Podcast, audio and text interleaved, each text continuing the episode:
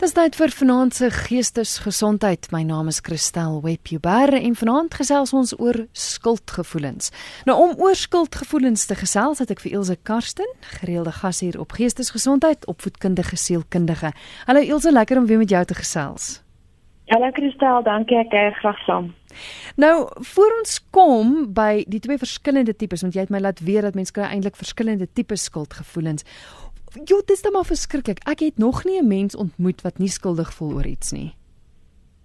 Ja, dit is maar deel van ons menslike natuur, jy weet. Dis dit is 'n gekompliseerde tema, Christel. Jy sê maar dit so uniek is van mens tot mens. Jy weet dit veroorsaak baie keer lyding in 'n mens. Natuurlik tot 'n kleiner of groter mate in elkeen van ons, maar dit lei baie keer tot ehm um, pyn en sielkundige wanaanpassing of dan geestesongesondheid in 'n mens. Kom ons kyk gou, jy het gesê daar's twee tipes skuldgevoelens. Wat is die twee tipes? Ja, ons kry objektiewe skuld, so dit raak net 'n bietjie teoreties, maar ons kry objektiewe skuld en subjektiewe skuld. So objektiewe skuld is waar jy byvoorbeeld skuldig is aan iets, maar jy voel glad nie skuldig nie. Of omgekeerd, voel skuldig oor iets, maar ek is nie regtig skuldig nie. So die twee pas nie lekker by mekaar nie. Dis objektiewe skuld. En dan ehm um, subjektiewe skuld is meer 'n innerlike gevoel van selfverwyd of selfveroordeling. Ehm um, ja. Maar tog onder daai twee tipes val daar nog tipe skuld, is ek reg? Dis reg. Die objektiewe skuld is as 'n paar, ek sal vinnig deur hulle gaan. Ehm um, die eerste een is wettige skuld dan word ek oortree die wet byvoorbeeld ek ry oor rooi verkeerslig en of ek nou gevang word of nie of ek nou skuldig voel of nie ek is eintlik skuldig nee. So dis die eerste een dis wettige skuld. Die tweede een is teologiese skuld. En dit gaan oor 'n versuim om God se wette te gehoorsaam. Nou ek besef nie almal stem hiermee saam nie dit ehm um, as jy nie in 'n goddelikheid glo nie, soos baie sielkundiges en baie ander mense, dan ontken jy ook eintlik die bestaan van 'n absolute morele standaard. Ehm um, as 'n absolute standaard is, moet iemand dit toegestel het en dit is dan nou God. So baie mense glo nie in 'n goddelikheid nie, ehm um, maar dat reg en verkeerd dan relatief is. Wat beteken dat alles afhang van die betekenis wat jy daaraan koppel.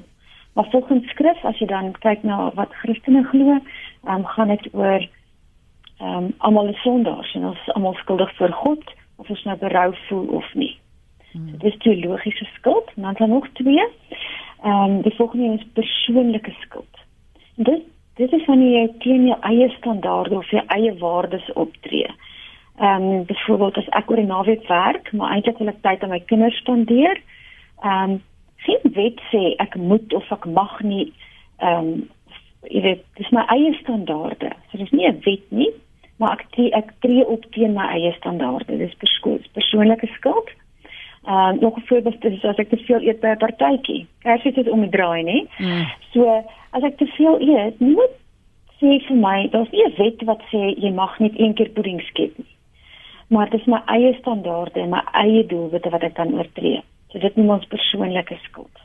Nou die laaste een onder die objektiewe skuld is sosiale skuld en en dit is wanneer ons ongeskrewe sosiale verwagtinge of reëls oortree. 'n Voorbeeld sal wees ehm um, sien maar jy loop by iemand wat aantekulp nodig het.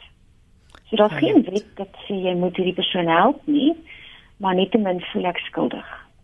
Of ek voel dalk sosiaal verplig om na 'n familiebeeenkoms of 'n troue toe te gaan, maar ek wil nie gaan nie of ek gaan nie. En dan weer eens, daar's geen wet met my verplig nie, maar ek voel skuldig um, as gevolg van dit. Mm. Dit is sosiale skuld en dit is dan die vier vier tipes onder objektiewe skuld wat nie so mooi pas is ek en voel ek pas nie mooi by mekaar nie. En dan die subjektiewe skuld? Ja, subjektiewe skuld ehm um, is ook nog is ook so twee. Ehm um, en soos ek gesê het, dit gaan oor innerlike gevoelens van selfverwyte en selfveroordeling, nê. Nee. Ehm um, So hierdie skuldgevoelens kan ons lewensvreugde steel as dit nie goed hanteer word nie, maar dit kan ons ook aanmoedig om goeie veranderinge aan ons lewe te maak. So die eerste een is gepaste skuldgevoelens. En dit is wanneer ek byvoorbeeld skuldig voel, ehm um, in my skuldgevoelens is in verhouding tot die erns van die oortreding. Ehm um, byvoorbeeld ek dink dit is die einde van die wêreld as ek 10 minute laat is vir werk nie, maar ek voel tog so bietjie skuldig. So 10 minute ja, dis regverdig om dalk bietjie skuldig te voel. En dan die tweede deel is onvanpaste skuldgevoelens. Dit sal onvanpas wees om die hele dag omgekrap te wees omdat jy 10 minute laat was vir werk. Of te dink dis die einde van die wêreld as ek iets kleins gedoen het wat wat nie reg is nie. Ehm um, ja, so ek kan baie min skuldgevoelens hê ook vir iets wat ek dan uh, uh, baie verkeerd gedoen het, 'n groot oortreding of diefstal of moord en dan te voel oor dit was nie so erg nie. So daai is dan onvanpaste skuldgevoelens. Ehm um, ja, en dit is dis dan buite verhouding tot die erns van die oortreding. Elsa heel gereeld kry ek boodskappe nou al van ons geestesgesondheid doen mense wat skuldig is rondom die dood en dit sluit aan by by 'n uh, e-pos wat ek van anoniem gekry het wat ook sê goeienaand ek sit tans met 'n swaar skuldgevoel. 'n geliefde van my is oorlede. Ons het nie altyd oor die weg gekom nie maar voor sy dood is ons nie kwaad uit mekaar uit nie. Ons het nog die oggend gepraat. Hy het sy hart voor my uitgestort en soos 'n fool was ek besig op my foon terwyl hy in trane was en gebroke is. Hy het gegroet sonder dat ek dit besef het. Is hulle 'n paar maande later en dit um maak my nog so seer al weet ek 'n rouproses vat tyd. Maar hoe maak ek vrede met myself as slegte gedagtes nog deur my kop vloei? Elke keer as ek na sy foto kyk, dan voel dit of ek van voor af moet groet en dit bly 'n bittersoet goodbye. Hoe kan ek vrede kry? Ja, ek vrede is die, is die regte ding om na te streef, Kristel.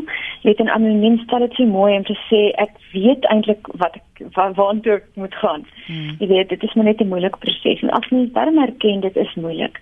Hierdie is is dis in teorie dalk maklik om te sê dis hoe dit werk en maak vrede en gaan aan en let go, maar dit is nie in praktyk so maklik nie.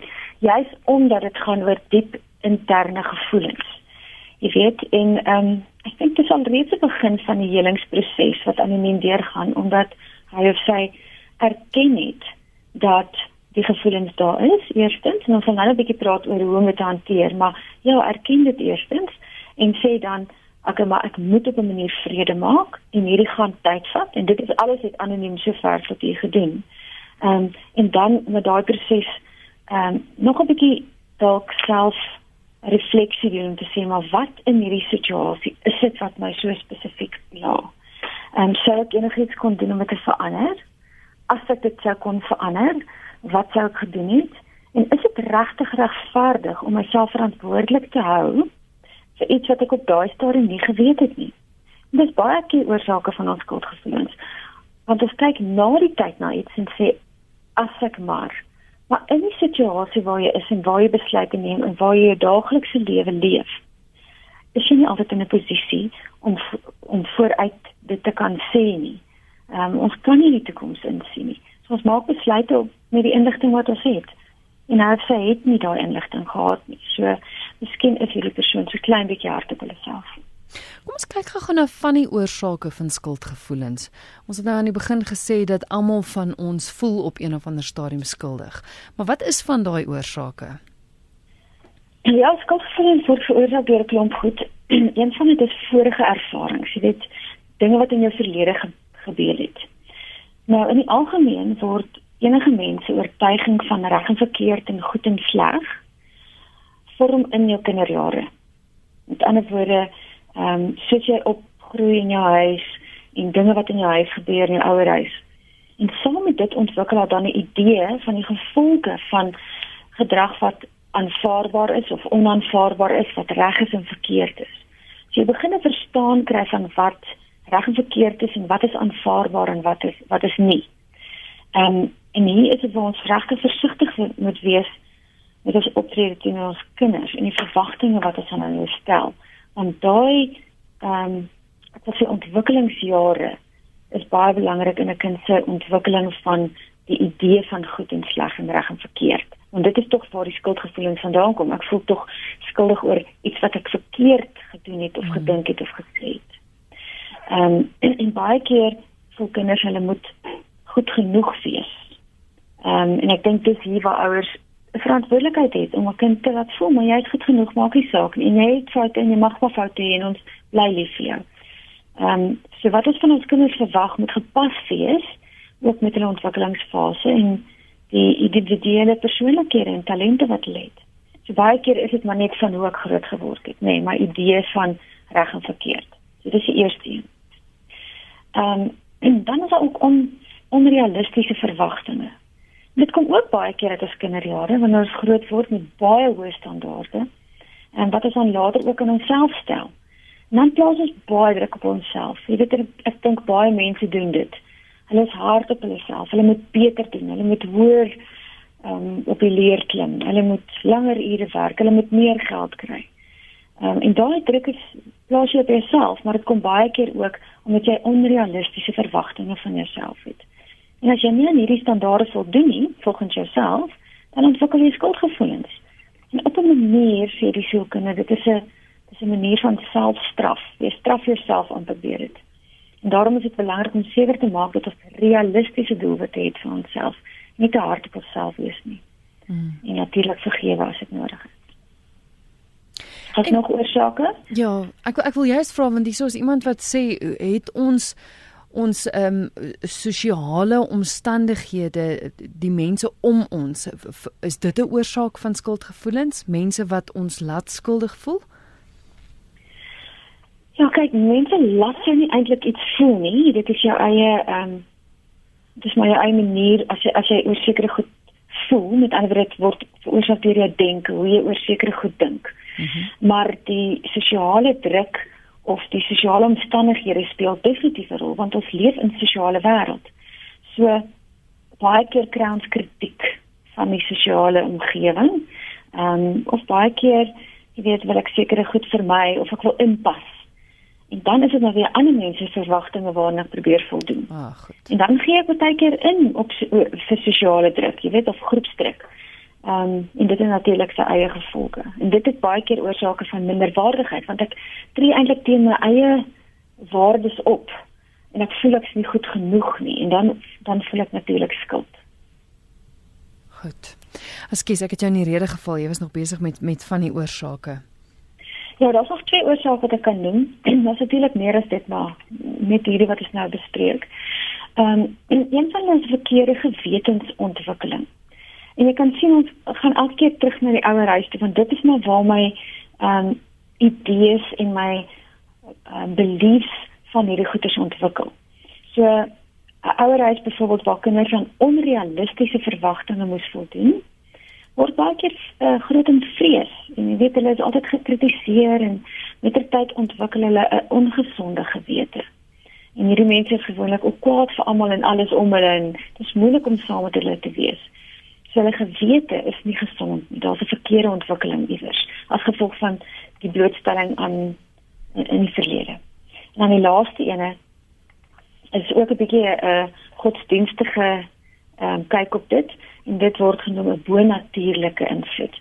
Ehm um, jy weet Christene glo dat God in ons gewete stel deur die Heilige Gees ehm um, wat jou baie keer oortuig van dinge wat nie reg is in jou lewe nie. En hierdie gewetensgevoel is dan die Heilige Gees wat jy wil probeer weghou van sonde af. Ehm um, so dit is dis maar die dis maar die invloede. So dis 'n klomp goeie, so weet ek ek, ek sit hulle nou in kategorieë, maar ek seker as mens na voorbeelde begin dink, dan gaan jy hulle daar kan inpas.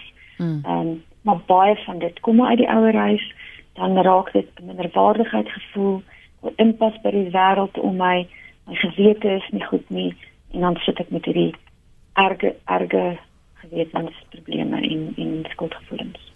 Jy is ingeskakel op RSG en jy luister na Geestesgesondheid. Vanaand gesels ons oor skuldgevoelens. My gas is Ilse Karsten, opvoedkundige sielkundige. Naomi het 'n SMS gestuur wat sê ek voel oor alles skuldig. Ons oudste seun en ons is nou al vir 3 plus jaar vervreem oor eintlik kinderstrooi. Soos ek met al soos dat ek moet altyd om verskoning vra as ek my mening lig oor iets.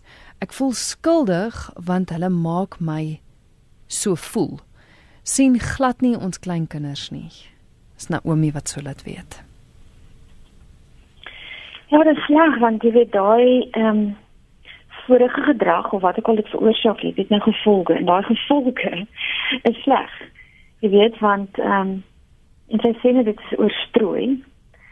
Jy weet en, en, en ek hmm. besef baie keer voel mens skuldig of lei 'n situasie om in so 'n rigting dat jy amper op die einde amper nie eintlik weet wat die oorsaak was van hierdie maar ons sit nou met hierdie probleem. Mm. En en dit is eintlik dan moeilik. Dit is makliker as jy net een is en dis jou eie gevoelens en jy kan dit half op 'n manier vir jouself uitwerk, maar daar waar daar familie betrokke is of ander mense of tweede of derde partye, maak dit moeilik want almal moet bereid wees om te sê weet jy wat, kom ons sit hierdie probleem op die tafel. Ons loop om en ons kyk mooi na hom van alle rigtings. En ons kyk is dit regtig die moeite werd om al hierdie negatiewe gevoelens te hê oor oor iets wat regtig nie die moeite werd is nie. En dan moet ons uitkom met wat was regtig die oorsaak en wat is regtig die probleem en die probleem aanspreek. Op die ou end, jy weet, dink ek is dit die gevoelens wat hierdie hele situasie beheer en dit is natuurlik baie ongesond en dit het praktiese slegte gevolge vir Naomi en haar familie. Nou goed, dis net van die gevolge wat jy gesê het en ek weet jy het vir my lysie gegee ook van gevolge, maar dis vir my belangriker dat ons uitkom by die wat nou. Want want dis so klomp verskillende scenario's. Hier's hier's 'n luisteraar wat sê hy voel skuldig want hy weet hy eet te veel slegte kos terwyl sy meisie baie hard probeer dat hy die regte pad moet volg. Mense voel skuldig oor sulke goed en vir party klink dit na iets stupids om onskuldig te voel en vir iemand anders is dit 'n ongelooflike groot ding. Wat maak mens as jy skuldig voel. Hoe werk jy daaraan? Want dit het soms geweldige gevolge. Hier's iemand wat self sê dat um, hy het nou nadat hy bipolêr is besef dat hy alles verloor het. Hy is bankrot en dit kan lei na na selfmoordgedagtes toe. So dit het besonder so groot gevolge. Hoe keer ons dit? Hoe maak ons dat ons nie skuldig voel nie? Ja, dit is twee maniere. Ek dink die eerste ding, ek weet ons het mekaar in die hele begin gesê, dit is gecompliseerd. Mm. So dit hang af en dit is baie individueel.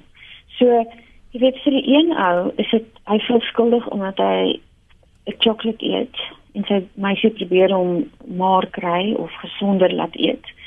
Ehm um, vir 'n ander persoon is dit heeltemal onbenullig en hulle kan glad nie dink dat mens oor so iets kleins kan skuldig voel nie. Mm. vir die ander persoon is dit iets groot.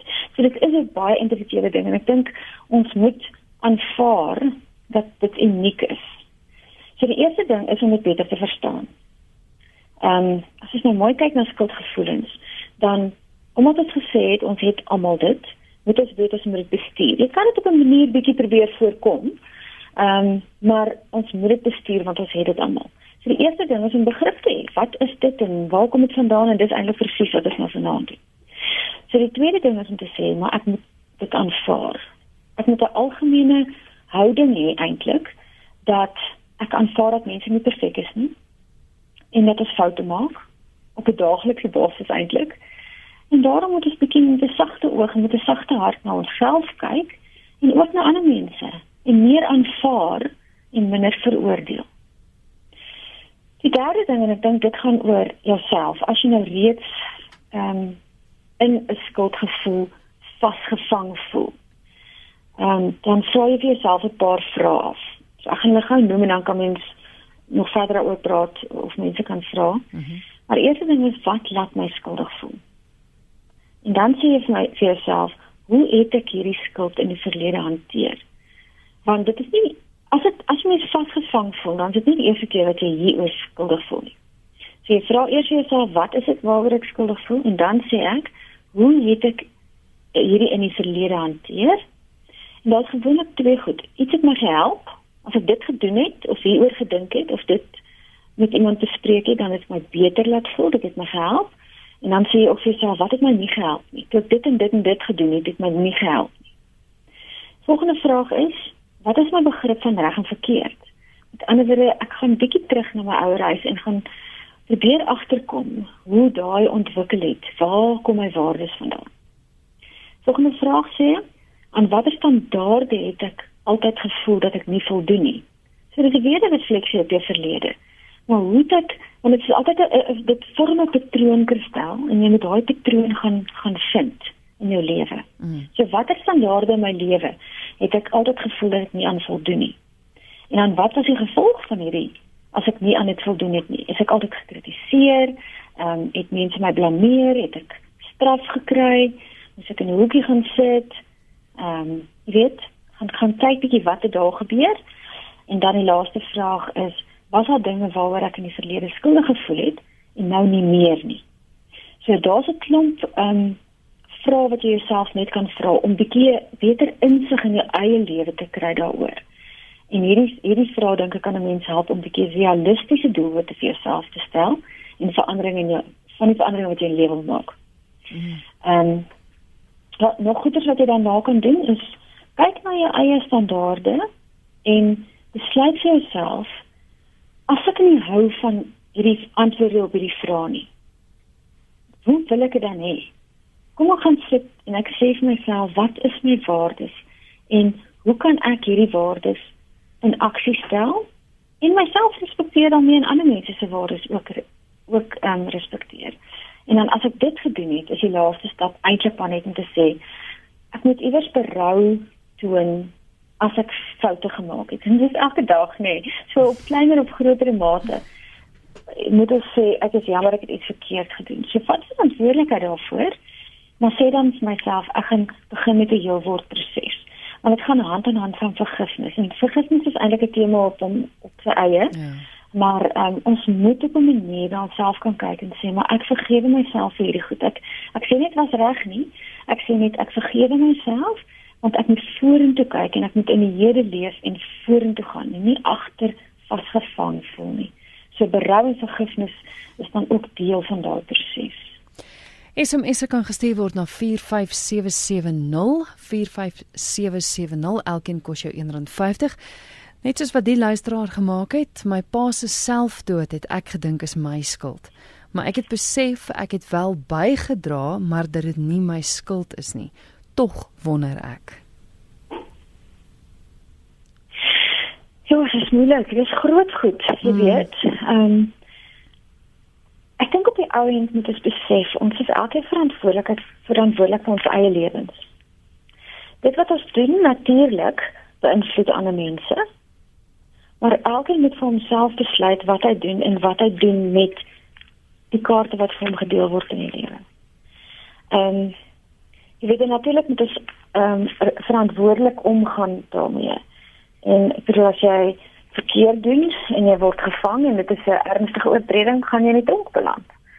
Maar baie mense sit hulle self in 'n emosionele tronk en daar's nie tralies nie, maar jy leef jou hele lewe in 'n tronk. En eintlik is mens dan baie ongelukkig maar om te besef maar elkeen het sy eie keuses. Jy weet self selfdood is 'n groot ding. Ehm um, en baie mense sien dit as hulle eie uitweg om weg te kom van hierdie skuldgevoelens af. Ehm um, en ander mense sien dit weer as ek het deel gehad van iemand anders se keuse. Ehm um, jy weet ek dit is so moeilik want enigiets wat ons op die nuus sien kan amper bydra tot enige iemand se negatiewe gevoelens of mm. selfdood keuses. So daar is nie regtig een ding wat mens kan blameer nie. Al wat ek regtig kan sê is mens moet aanvaar dat elkeen verantwoordelik is vir sy eie dade en sy eie lewe moet bestuur na die beste van sy vermoë. Glenn het 'n SMS gestuur wat sê can you please talk about survivor guilt? Ja, wat ek dink ook nogals tema ook op sy eie is eintlik. ja, ja. Dit is eintlik ook 'n tema op sy eie.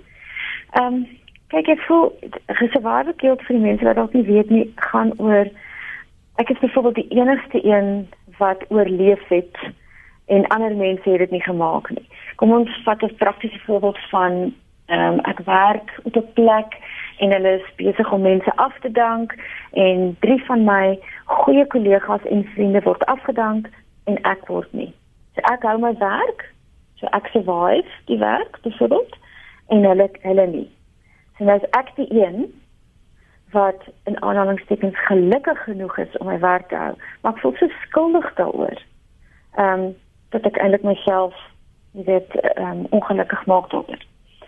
Ehm um, en weer eens ek dink dit is 'n moeilike ding maar mens moet aanvaar dat dinge in die lewe gebeur en ek is nie in beheer van alles nie.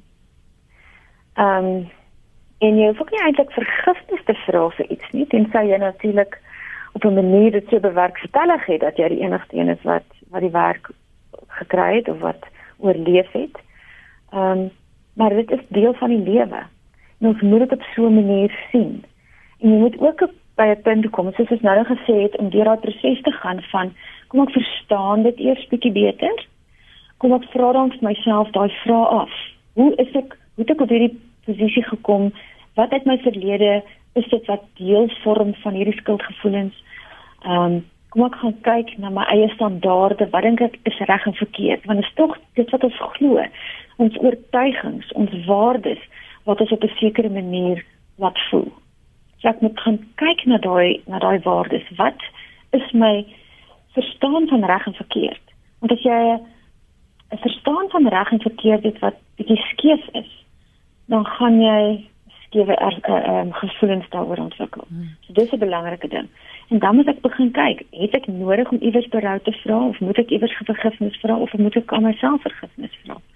Ehm um, en as dit regtig ernstig is, Christel, sal ek definitief Glen sê, kry meer professionele hulp of gesels met iemand en jy weet ehm um, analiseer dit 'n bietjie meer en kyk of jy 'n proses kan kan begin om jou te help. Nog 'n voorbeeld van survivor guilt sou dit byvoorbeeld wees as um, as hulle twee hy en byvoorbeeld 'n vriend in 'n motorongeluk was, um, Glen het byvoorbeeld bestuur en sy vriend is dood in 'n motorongeluk. Um, sou sou dit ook 'n voorbeeld van survivor guilt wees? Ek sê nou nie dit het in Glen se geval gebeur nie, ekskuus, maar ja, ek ek vra net ja. is is dit ook 'n voorbeeld daarvan? Ja, dit is definitief 'n voorbeeld. Dit is eintlik 'n beter voorbeeld omdat dit gaan oor survival. Ek wil nou nie so desperate negatiewe voorbeeld gebruik nie, maar dit is jammer. Dit is definitief 'n beter definisie daarvan. Goed. Want jy survive iets en iemand anders survive nie. Hmm. Ehm um, maar dan is dit weer eens om te gaan kyk maar hoe het hierdie ding gebeur? Jy weet dit maak dit nou nog meer gekompliseerd as ek dalk die bestuurder was van 'n voertuig. Ja en ek het niks oorgekom nie. Dit raak dan nou nog erger as ek sien maar gedrink was. So ek weet ek het verkeerd gedoen. So ek het eintlik daai wetse skuld. Ek het die wet oortree. Ek moet skuldig voel. Ek is skuldig. So dis alles appropriate, wil ek sê. So, ja. En dit is waar ek dan bekom om bepunt waar om te sê maar ek vat verantwoordelikheid vir dit. En dit is dalk nodig om dan te gaan sê, weet jy wat, ek jammer. Ek moet vir 'n paar mense gaan om om verskoning vra en ek moet myself gaan begin vergewe. En dit is ook 'n proses om myself te sê ek ek vergewe myself nou want anders gaan ek nie kan aangaan met my lewe nie. Ek val ek bly vasgevang in die verlede. Ehm um, as ek nou glad nie skulde aangehad het nie, ek was maar net in die voertuig en iets het gebeur en ek ek is die enigste een wat oorbly, dan is dit baie keer ook survival guilt. Maar daar's nie regtig ehm um, ek wil sê kognitiewe gronde waarom ek skuldig moet voel nie. Um, en dan is dit ook maar net 'n proses om daardeur te kom en die denkwyse daar agter te analiseer en te sê maar hoekom voel ek so ehm um, en watter patrone maak dit nou van my verlede los en hoe kan ek dit oorkom? Maar dit is ook 'n proses. Ehm um, en dit is eintlik deel van trauma, nê. Nee. Mm. En ek dink as ons as ons dit so sien, moet jy ook maar kyk dat jy deur die fases van trauma gaan en dit ook op so 'n manier hanteer. Maar waarop dit neerkom is daar is hoop en mens kan vrykom van jou skuld. Selfs in radikale gevalle soos dat dit wetties jou skuld was, jy kan vrykom daarvan want anders gat jy nie met jou lewe kan aangaan nie. 100%. Dis wat nou nog gesê het, jy weet jy kan fisies in 'n tronk sit. Ja. En dan is jy besig om te boet vir jou vir jou sonde of vir jou oortredinge. Ehm um, maar jy kan jouself ook in 'n tronk sit sonder dat jy enige tralies het. Ehm um, En dan dan kan jy eintlik emosioneel ook vry wees al sit jy fisies agter tralies. Ja. Want jy gaan deur daai proses en al moet jy nou nog die wettiese straf uitdien, is jy eintlik vry want jy het hierdie proses gegaan om jouself te vergewe en om vergifnis van ander te vra ensovoorts ensovoorts. Maar dit is dit vra natuurlike verandering, nê. Mm. Maar terwyl ek dit sê, moet ons besef ons is almal ons het almal daai geneigtheid om dinge verkeerd te doen. Ons is nie perfek nie, ons maak foute. So ons moet amper 'n verwagting hê dat daar gaan skuldgevoelens wees. En hierdie skuldgevoelens kristel is is nodig. Ek het ek net hierdie lewe gaan en doen wat ek wil en reis as ek wil en eet soos ek wil en met mense praat soos ek wil sonder om enigsins skuld skuldgevoelens te hê, dan is dit ook nie gesond nie. Dit is goed dat dat ek skuldgevoelens het, nê. Nee, ek moet na myself kyk en sê maar leef ek my lewe op so 'n manier dat ek ander mense respekteer. En in daai skuldgevoelens help ons dan om beter keuses te maak, om beter dade te doen, ehm um, ja, en om gelukkiger te wees op die ouend. Is dit waar psigopate inkom? Verstaan ek reg, is psigopate het hulle geen skuldgevoelens nie?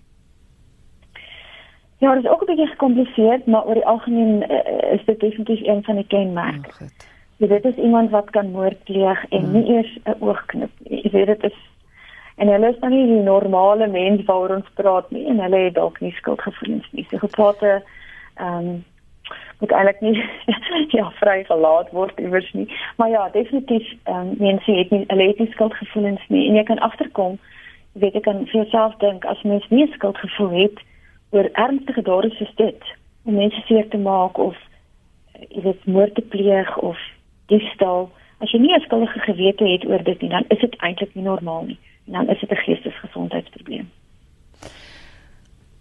Ek wil hier's nou twee baie belangrik ek wil terugkom by Glen want hy het nou laat weet wat wat sy hy sê hy's 'n hy's 'n pa um my son died and I survived after he drowned I feel very guilty. So dit is dis wat met Glen gebeur het. Mm. Mm. So Glen, ja, dis dit is traumaties. Dis soos ek nou gesê het, dit is eintlik trauma ook. So mens moet dit in daai lig ook sien.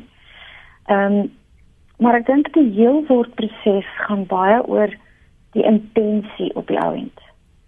Ek kan ek kan amper met 100% oortuiging sê Glen het nie probeer om sy kind dood te maak nie. Sy intensie was nooit dat sy kind moet doodgaan nie. Hy het nie sy kind as prins laat doodgaan nie. Hy het alles in sy vermoë gedoen ja. en sy hartsbegeerte was dat sy kind ge uh, moes lewe. Ja. So daai intensie al klaar wys 'n mens se hart. En dit wys eintlik dat dit is die skuldgevoelens hoef nie daar te wees nie. Die gevoelens wat daar is is mis en ek wens ek kon iets anders doen of weet ander ander goeders. Dit is natuurlik skuldgevoelens ook, maar die skuldgevoelens hoef nie eintlik daar te wees nie. Mm -hmm. En ek dink dit is waar mens dan vir jouself moet gaan afvra, maar is die skuldgevoelens regtig ehm um, skuldgevoelens of is dit eintlik iets anders? Ehm um, as die intensie daar was om iemand seer te maak of nou kan dit te maak as dit anders sou. Maar ek kan nie dink dat dit die geval was nie. So mens moet mooi gaan kyk na die na die intensie. Eddie en ek dink amper dis die SMS waarmee ons gaan afsluit sê hoe hanteer jy iemand wat nooit skuld erken nie maar altyd iemand of iets anders die skuld gee Ek dink nie dit is heeltyd want dit is nie 'n psigopaat nie ek meen ek ken baie mense wat nie psigopate yeah. is nie wat ook nooit dink hulle doen iets verkeerd nie en nooit skuldig ja. voel nie mm. Ja seker dit een van die gevolge van van skuldgevoelens. En eintlik maar jy weet ons almal het dit ook uh, Christel is ons het ehm um, verdedigingsmeganismes nê. Nee. ons gebruik verdedigingsmeganismes in ons lewe om die lewe te hanteer om al die uitdagings van die lewe te hanteer en ook om skuldgevoelens te hanteer. So ons draai baie keer die, die werklikheid of die waarheid so effens sodat ons beter kan voel Hmm. Ons regverdig ons optrede op 'n manier. Ehm um, en dit en ons doen dit om ons teen die skuldgevoelens te beskerm of teen ander goed te beskerm. En ongelukkig kom dit ook so bietjie uit my kinderdae en my vorming van my idee van reg en verkeerd en en so. So baie keer sluit dit verdedigingsmeganismes slegte gedrag in. Jy weet dit is baie keer 'n ontkenning van iets of ek blameer ander mense. Ons noem dit projeksie baie keer onttrek ek. So ek praat glad nie oor enige iets nie. En ek krop dit op en dan eendag ontplof dit. Daar's ook rasionalisering. Jy weet ek weet ek het nou 3 keer om die blok geloop sê ek mag maar hierdie sjokolade eet. So ek ek rasionaliseer dit. Ek gee myself toestemming. Baie keer is dit ook oordrewe om verskoning vra. Mense vra om verskoning vir alles. Jammer, jammer, jammer, jammer dat ek lewe.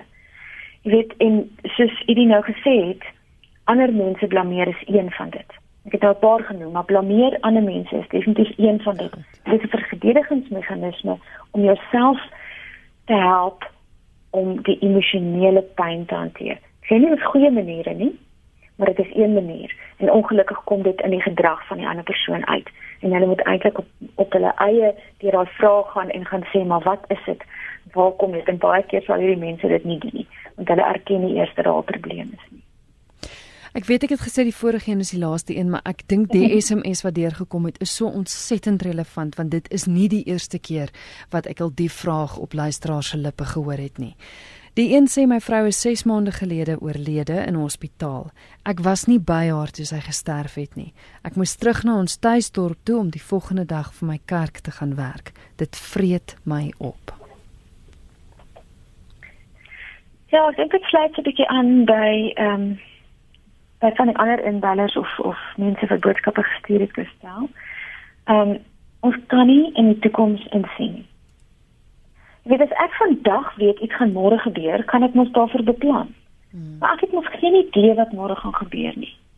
Weet ek seker as daai persoon ehm um, geweet het sy vrou gaan môre doodgaan, dan sou dit 'n prioriteit gewees het. Maar mens het dit nie geweet nie. So mens moet in 'n in 'n oomblik met die inligting wat jy het baie groot besluite neem. En op daai oomblik is dalk nie so groot besluit nie, maar die gevolge van die lewe en die dinge wat die lewe na ons te gooi, is goed wat ons nie altyd in beheer is van nie. So ons moet op 'n punt kom om te sê maar op daai stadium het ek nie dit geweet nie. En ek het 'n keuse gemaak. Dit is ongelukkig 'n negatiewe gevolg, nie my keuse nie, maar die feit dat ek nie daar was nie, laat my skuldig voel. As sy byvoorbeeld 100% was en herstel het en die volgende dag ontslaan is, sou daardie persoon glad nie skuldig gevoel het nie. Mm. Met ja. ander woorde, hy het opgetree op 'n manier en die gevolg van iets anders wat hom of skuldig voel of nie. En ons het nie beheer oor dit nie, want ons kan nie in die toekoms insien nie. En as dit dan heeltemal aanhou opvreet, dan dink ek gaan praat met iemand, maar dit is definitief die denkwyse wat wat mens wat mens daar moet bietjie bietjie verander. Ja. Jy het ons baie gegee om oor te dink en ek dink om om anders te kyk ook na ons skuldgevoelens. Ek dink baie maal laai ons laste op ons skouers wat wat onnodig is. So baie dankie. Kan luisteraars jou kontak as hulle met jou in verbinding sou wou tree? Ja, hulle is welkom. My e-posadres is ikarsten. Dis i k a r s t e n. En dan by IJ wat staan vir Universiteit Johannesburg www.ac.za. Baie dankie vir die gesels en mag jy 'n wonderlike dag hê verder hê. Dankie Christel, goeienaand. Dis Ilse Karsten met wie ek gesels het. Sy is opvoedkundige sielkundige. Net gou weer haar e-posadres. Sy is i.karsten@ij.ac.za. Jy is natuurlik ook welkom om vir my 'n e-pos te stuur as jy nie gou genoeg pen en papier by die hand kon kry nie. Kristel by rsg.co.za en onthou die program is beskikbaar as potgooi op ons webwerf.